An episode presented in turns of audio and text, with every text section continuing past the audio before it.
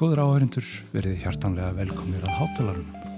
Við erum að hlusta hér á tónlist eftir Mikael Mána Ásmundsson, gítarleikara sem var að senda frá sér blötuna Bobby og Mikael er stattur í Stokkólmi þar sem hann eigðir nú öllum stundum við að undirbúa útgáfu tónleika sína sem verða næstkomandi sunnudag í Kaldalóni. Ég ætla að slá að þráðin til Mikaels og ræða við hann um þessa plötu sem er innblásina af Bobby Fischer meðal annars.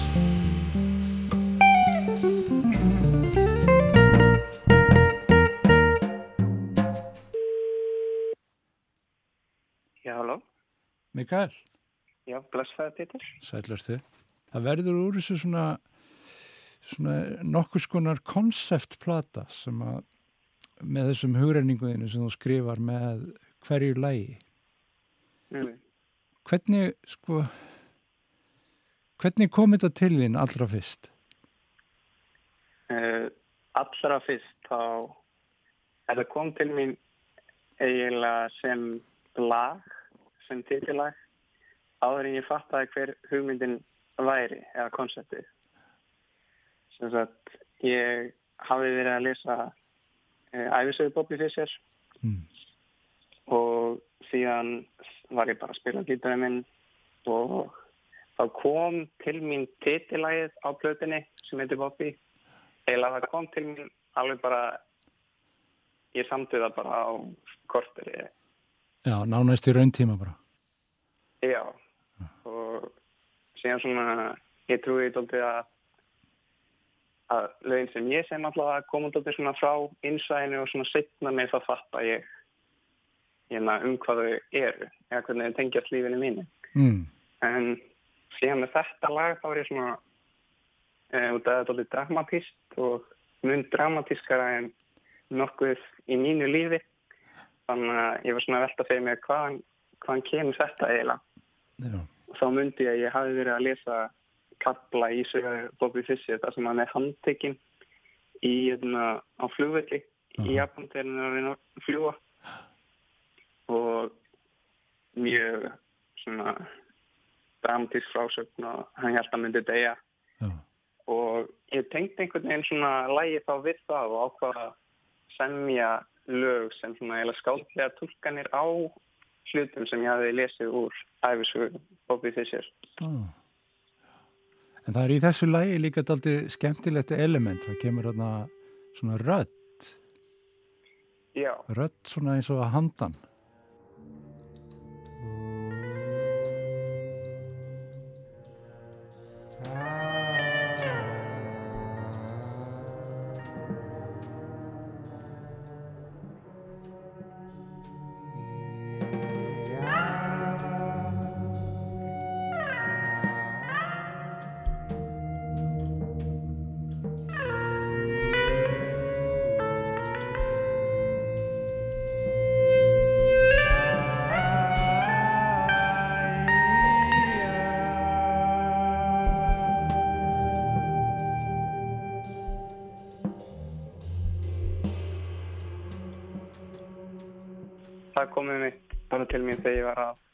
hugsa um lægi og vera að lappa þá einhvern veginn byrjaði ég að heyra þetta fyrir mér svona eins og kall svona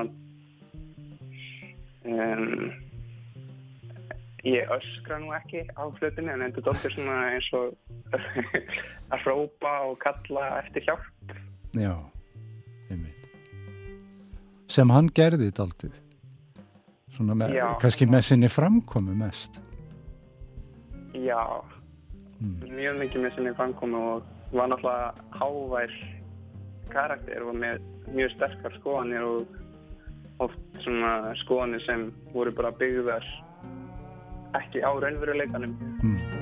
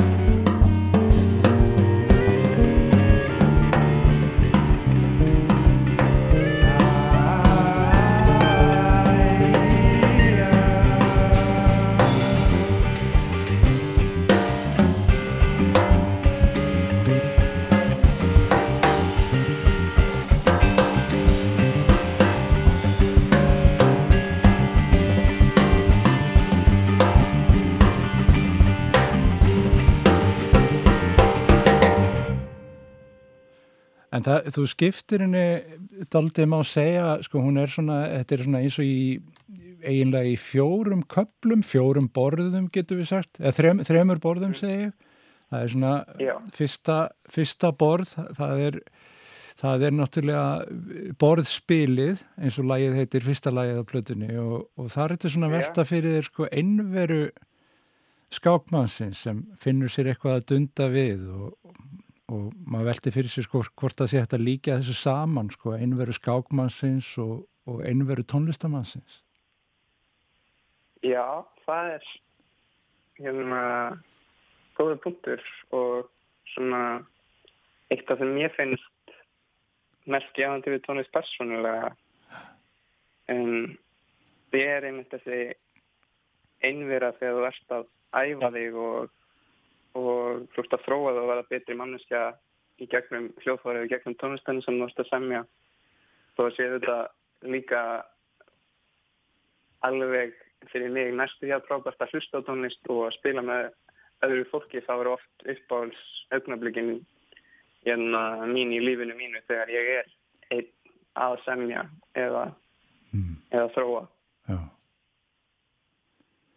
En það er nú talað um líka að, að sko, þessi, þessi mikla einvera, hún geti gert fólk sko, að, svona félagslega sérkennilegt eins og mhm. Bobby Fiss er náttúrulega mjög gott dæmi um.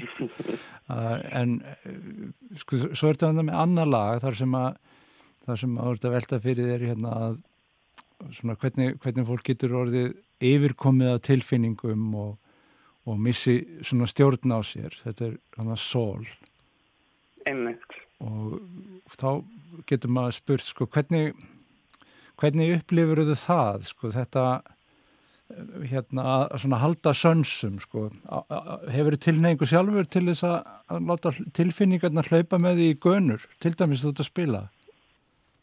Um, sko, þegar ég var yngri, þegar ég var kannski svona 10 til 12 ára, þá var ég Eh, rosalega reyður og réð enga veginn hérna skapið mitt. En það er svona næstíðu öfugt út af því að þegar ég var 12 ára þá fekk ég gítarin og byrjaði strax rosa mikið að spila og hafði mikið nákvæða þá hérna hafði það meiri svona róandi áhrif á mig. Oh. og þannig að það var eiginlega jafnvel öfugt við það sem við erum að, að tala um núna. Já, ég skil Ja. Þannig að þú, þú hafið svona, gítarinn var þitt tálborð Já, algjörlega ja. og þannig að ég mynd líka svona sveipað held ég að þegar maður fer rosalega djúft í eitthvað listform sem all er líka, þetta er vísindi og, mm. og, og alls konar þá snýst þetta líka rosalega mikið um um flæði að veist, komast inn í flæðið áðum að byrja skák og líka komast í flæðið þegar þú ert að stróa þig og æfa þig er úrsa mikilvægt og náttúrulega kannski stærsti munurinn á skák og tónlist að möguleiti eða svona oftast er að í tónlist þá flytur tónlistina með öðru fólki mm. uh, svona oftast allavega. Já, og meðan í tappi þá er þetta svo einn á móti einum já. Það er, það er hrein keppni sko í, í tablinu. einmitt maður vil helst forðast það í, í tónlistinni Já.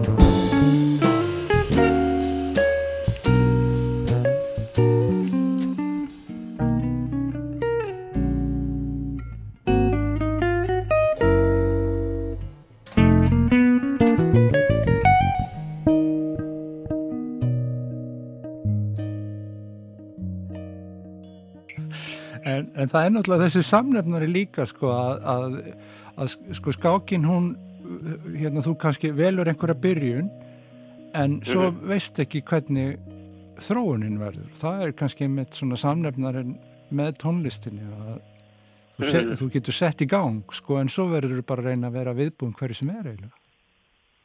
Já, og það er líka það sem er svo frábært við að uh, hugsa um þessa hluti í jazztónlist út af því að melodi, allavega í þessu í þessu jazzformi sem við erum að notast við á plötunni, þá er maður með hennan efnið sem er melodían og, og grúfið sem er yfirleitt svipað Mm sem er doldið svona eins og byrjunartablið.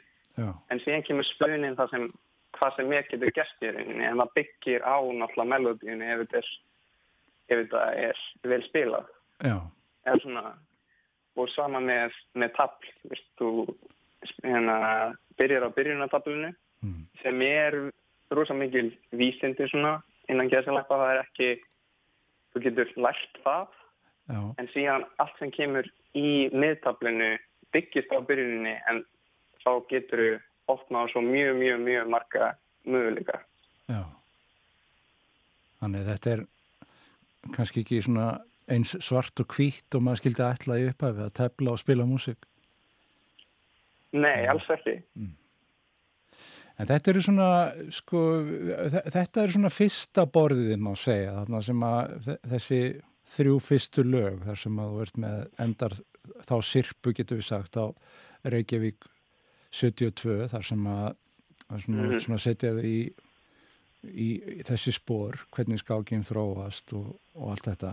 En svo tekur við þarna annað borðið, þar sem þú ert að lýsa þetta aldrei þegar að ungverska fjölskyldan tekur við Bobby og, og af mikillir manngesku Mm. og maður velti fyrir sér sko að hann, hann náttúrulega hann eh, þakkar ekki fyrir sig á neitt nátt, hann náttúrulega bara óalend Nei. og óferjandi sem eiginlega. en maður, eh, þetta er svolítið skemmtilegt að velta þessu fyrir sér með sko hvernig, hvernig sko fólk eins og hann og, og kannski á þetta við um listafólk að einhverju leiti sem er svona háð velvilja og, og duttlungum þá já, áheyranda eða í hans tilfelli skáka áhuga fólks og, en hann heldur, hann hefði, heldur hann hefði notið þessa velvilja ef hann hefði ekki orðið heimsmystari Eh, það finnst mér alveg mjög, mjög ólíklegt. mm. Um, og sem þarf mann líka til að hugsa um hvernig fólk í listum, hvort sem það er kvikmyndir eða skrifa bækur eða tónlist, Mm. en hvort það séu dóldir svona eins og tvær manneski því að hérna, oft kemst fólk upp með ákveðna hegðun alveg það er bara náttúrulega svona klísja einhver svona sem er stjórnustæla eða og manneskinni fyrirgeðið út af því að hún gefur í rauninni rosalega mikið með listinni. Mm en síðan getur manneskinni gert eitthvað sem er rosalega ljótt og fólk er kannski finnilega á móti. Mm. en þetta er kannski svona að aðskilja einmitt listina og manneskina sem hefur verið náttúrulega rosalega mikið í í hérna umræðinni núna. Já. Já, hvort að maður eigi að hlusta á einhvern ákveðin tónlistamann út af hvernig hann eða hún lifði eða einmitt það sem gerði. já, samanber Michael Jackson og, og, og fleiri svona dæmi úr, úr þeirri þeirri átt Skáka áhuga fólk, Ok. það hættir ekkit að sko, það hættir ekkit að spekulera í byrjunum Bobbys Fischer þó hann hafi verið hérna erfiður í skapinu og, og látið ímislegt falla um til dæmis skýðinga og, og hana. einmitt og það, ég held að því að þetta er merkilegt með hann er að um, auðvitað þróast skákin eins og hvað, hvað annað og þú veist, kannski er fólk sem er að tefla í dag með mjög betri tækni en hann er en ég held í hans tilfelli að hann er svona rosalega uh, mikið inspiration fyrir fólk Mhm. og líka fyrir mig bara út af því að hann helgaði lífinu sínu alveg alveg skák allavega í mjög mörg ár þannig til hann hætti að tefla þegar hann var eldri. Já, og það er það er náttúrulega bara rosalega sjálfgeft og mjög, mjög fallegt þegar fólk gerir það. Já. Vi, við erum auðvitað að tala um líka sko svona Dálítið öfgakend dæmi sko þegar við tölum um hann sem heimsmeistar á við, við vorum að nefna Michael Jackson sem heimsmeistar í poppi og svona en þeir eru náttúrulega bara tværi manneskjur. Og, og það má nú segja sko að megin þóri fólks hagar sér nú þokkalega. Ertu búin Já. að koma þér upp einhverjum stjörnustælum í, í hérna fyrir jazzferilin til að gr- grípa í? já hérna ég er búin að partur af æfingar rútininu minni. Er hálftími að leika stjórnni. Já, einmitt.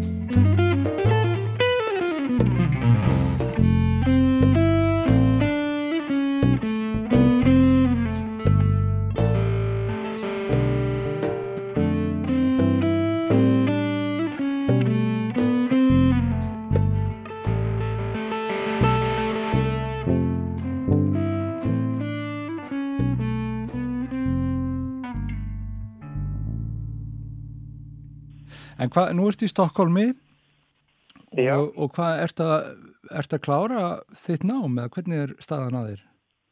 Sko ég var í bachelornám í Amsterdam og kláraði í fyrra um, og síðan ákvæði að taka á núna þar sem hérna, ég væri ekki í vinnu, heldur væri ég bara að vinna að, að því að semja tónlist og að vinna plötinni mm -hmm. og hérna, vildi svo til að kærastan mín en hún var að flytja til Svíþjóðar og það er mhm. hún er í námi Já. hérna í, í Stokkonni og mér var stótið heitland að fara á einhvern stað þar sem ég þekkt ekki dólslega mikið af fólki og ég gæti dóltið unnið af tónlist með svona það sem maður var ekki alltaf fólk að fengi mann svona hefur viltu spila þetta gig eða, eða svona hluti sem er úrslega skemmtilega að gera og algjörlega nærandi mm -hmm. en ég vildi prófa að komast í einhvern svona uh, djúpan uh, djúpan fókus og verið í lengri tíma að vinna mm. Og ertu komið með uh, sko koncept að einhverju öðru verkefni að allar að, að, að reyna að túra Bobby? Já, það er á hérna planinu að reyna að túra í í Breitlandi og sem erum að halda útgáðu tónleika uh, 9. júni í Kaldaróni uh -huh. um, en síðan er hannig við tókum upp flutin í september og þá var vinnan fyrir flutina hún var eiginlega árun og undan þannig að okkur að núna þá er ég ekkit að vinna neitt rúslega mikið að því efni nema auðvitað núna þá er ég að æfa upp lögin aftur fyrir útgáðutónleikana. Uh -huh. Þannig að á þessu tímabili þá var ég aðalega að semja prógram fyrir uh, þrjú önnu verkefni sem -huh. ég er í með einhverju fólki sem, sem er á mínu aldri og er eitthvað fólk sem já, veitum mér mjög mikið innblástur. Já, er, er það fólk uh, hérna á Íslandi eða viða um heim kannski? Það, Já, bæði, sko. Já. Það er, mér finnst alltaf, allavega núna á þessu tímugli mest heilland að vinna í smarri svona skipan, Já, í dúo eða tríó. Og ég er að vinna með sýstu minni, henni Lilju Marja og um, við erum að byrja við ólumst saman.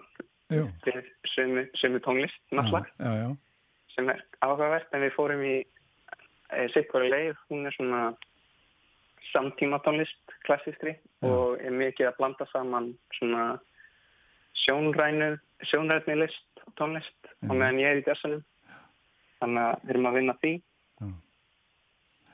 og síðan er ég líka að vinna með henni Marínu Ósk, kæristunni minni já, þið voru nú með fína dúoplötu sem var nú alveg standardabundin með íslenskum textum. Já, einmitt þetta, þetta er allt mjög ólík, ólík verkefni sko. Þú ert aldrei textakall, sko. Þú varst þarna með líka annað verkefni, var það ekki hérna Dylan? Jú, Já. Og það var svona, Svona- það var svona textabundið aldrei.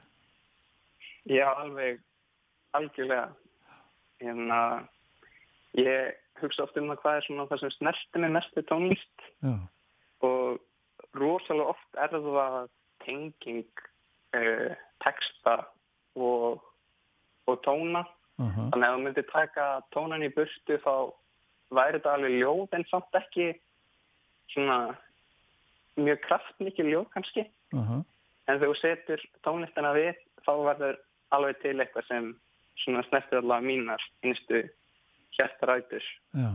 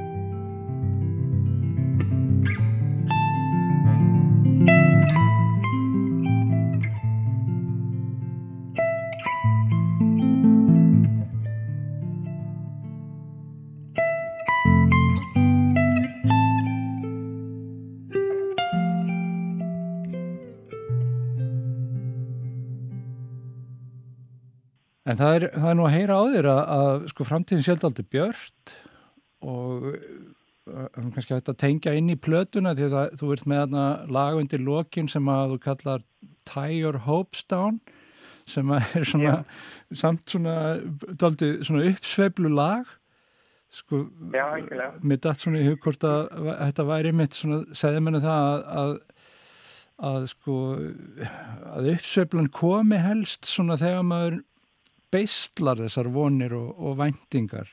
Þetta er svona daldið tvíegja sver sem þú bregður á loft þarna.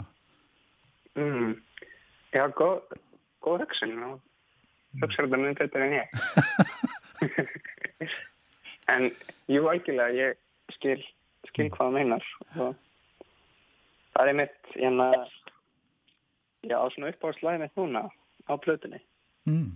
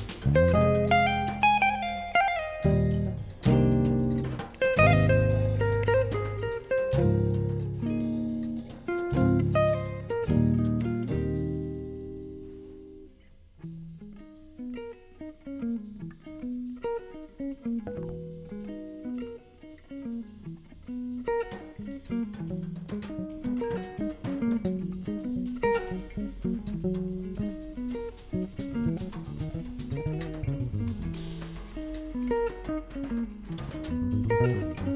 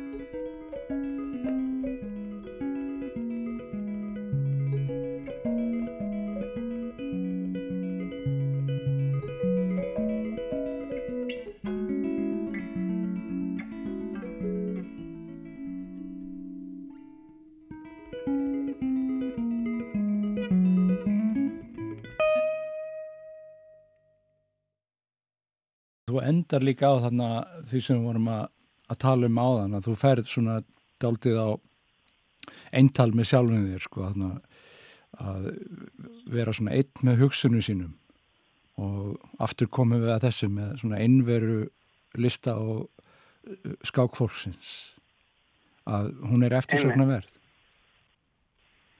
Já, algjörlega. Það er svona helst erfitt að, að finna alveg jafn, rétt að jafnvægis mm.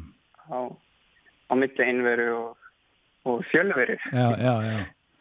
Að geta verið einn á þess að vera sérkennilegur kannski. Já, og svona þetta maður þarf náttúrulega innblástur frá öðru fólki annars, uh, ég allavega Já, ekki fyrir aðra, annars annars staðna ég og og þá hættir þetta að vera nærandi og bara byrjar að kosta orku að vera einn. Mm. En þú náðir líka í nærandi félagskap á þessari plötu með Skúla Sverrisinni og, og Magnúsi Tryggvarsinni Eliasson. En þú, Mhm. þú er valið er einhverja uppteknustu menn íslensks tónlistarlífs. Já. Algjörlega og það var samt þess því sko. Já, en þeir alltaf vera með þér útgáð tónleikunum? Já, þeir, þeir hérna verða með mér. Það getur mitt verið smá russi banni að koma þeim saman í sama helgi. Það, það er bara þannig. En þetta er, auðvitað, þetta er líka svona, svona pæling í, í jazzveröldinni sko, því að það eru þessi möguleikar. Þú getur reynd að túra hlutina með bandi eða þú getur mm -hmm. svona reynd að koma þessum er á framfæri sem músikinni svona í sinni hrári mynd, getur við sagt, sem að allir geta komið að og spilað. Hefur, hefur eitthvað mm velt, velt fyrir sér, hvaða, velt fyrir þér hvaða hvaða leið þú ferði í því? Já, ég hef doldið veldið fyrir mér og ég enna mitt með skóla og makka og þeir eru svo rosalega uppteknir og hef ég hugsað um hvort það sé raunverulegu möguleiki að geta þú veist, hóað í túr þegar staðir úti eru lausir mm -hmm. um, þó að það væri algjör óskar staða bara þetta ég tók eftir því þegar ég var að vinna með þeim að ég, ég hafi prófað að spila lögin með öðru, öðru fólki, jafnöldur mínu sem eru alveg frábæri tónlistamenn mm. um, en, en það gerðist eitthvað allt, allt annað þegar ég spilaði með þeim. Þeir svona, ég er með rosalega djúpan skilning á tónlist og eru búin að mastera hljóðfærin sín. Já. og þú er alltaf með hugafarið þú veist hvað, hvað þarf lægið til þess að eh, hérna hvernig er hægt að koma læginu til skila þannig að það er heilstift og svona snertandi. Og aldrei að vera eitthvað svona ok, hérna er svona lag þá get ég gert þannan hlut sem ég veit uh -huh. að virkar bara svona autopilot eitthvað uh -huh. heldur var það mjög mikið að kannski að spila sömu áttapraktana í, í læginu í, í kannski hálf tíma að finna grúi sem let læginu að syngja Já, já með, Fengi með þér gamlar sálir Já, það er það er þetta, þannig að vonandi er hægt að taka það með en síðan komur koma upp skipti þar sem það verður að fá, fá aðra með. Já. en það er líka alveg spennandi. Já, það er, fælst í því kannski einhver, einhver annars konar endur nýjum? Já, alveg, alveg Herðu, þakkaði fyrir þetta Mikael. Frábær plata Bobby að koma út og, og björnt framtíð. Verður gaman að fylgjast með þessi framtíðinni. Og tónleikarnir í Kaldalónu á sunnudaginn klukkan 8 mm. Takk fyrir spjallið. Takk fyrir Heyrumst Bye bye. Bye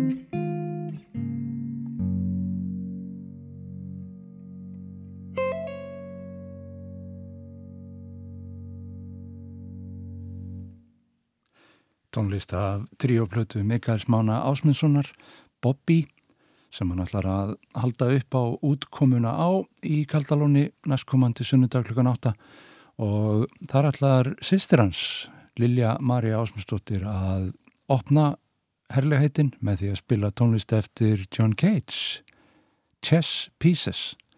Við skulum heyra kýmerska pianistan Margaret Lang Tan spila fyrir okkur þetta verk og þannig líkur hátalarunum. Takk fyrir að hlusta.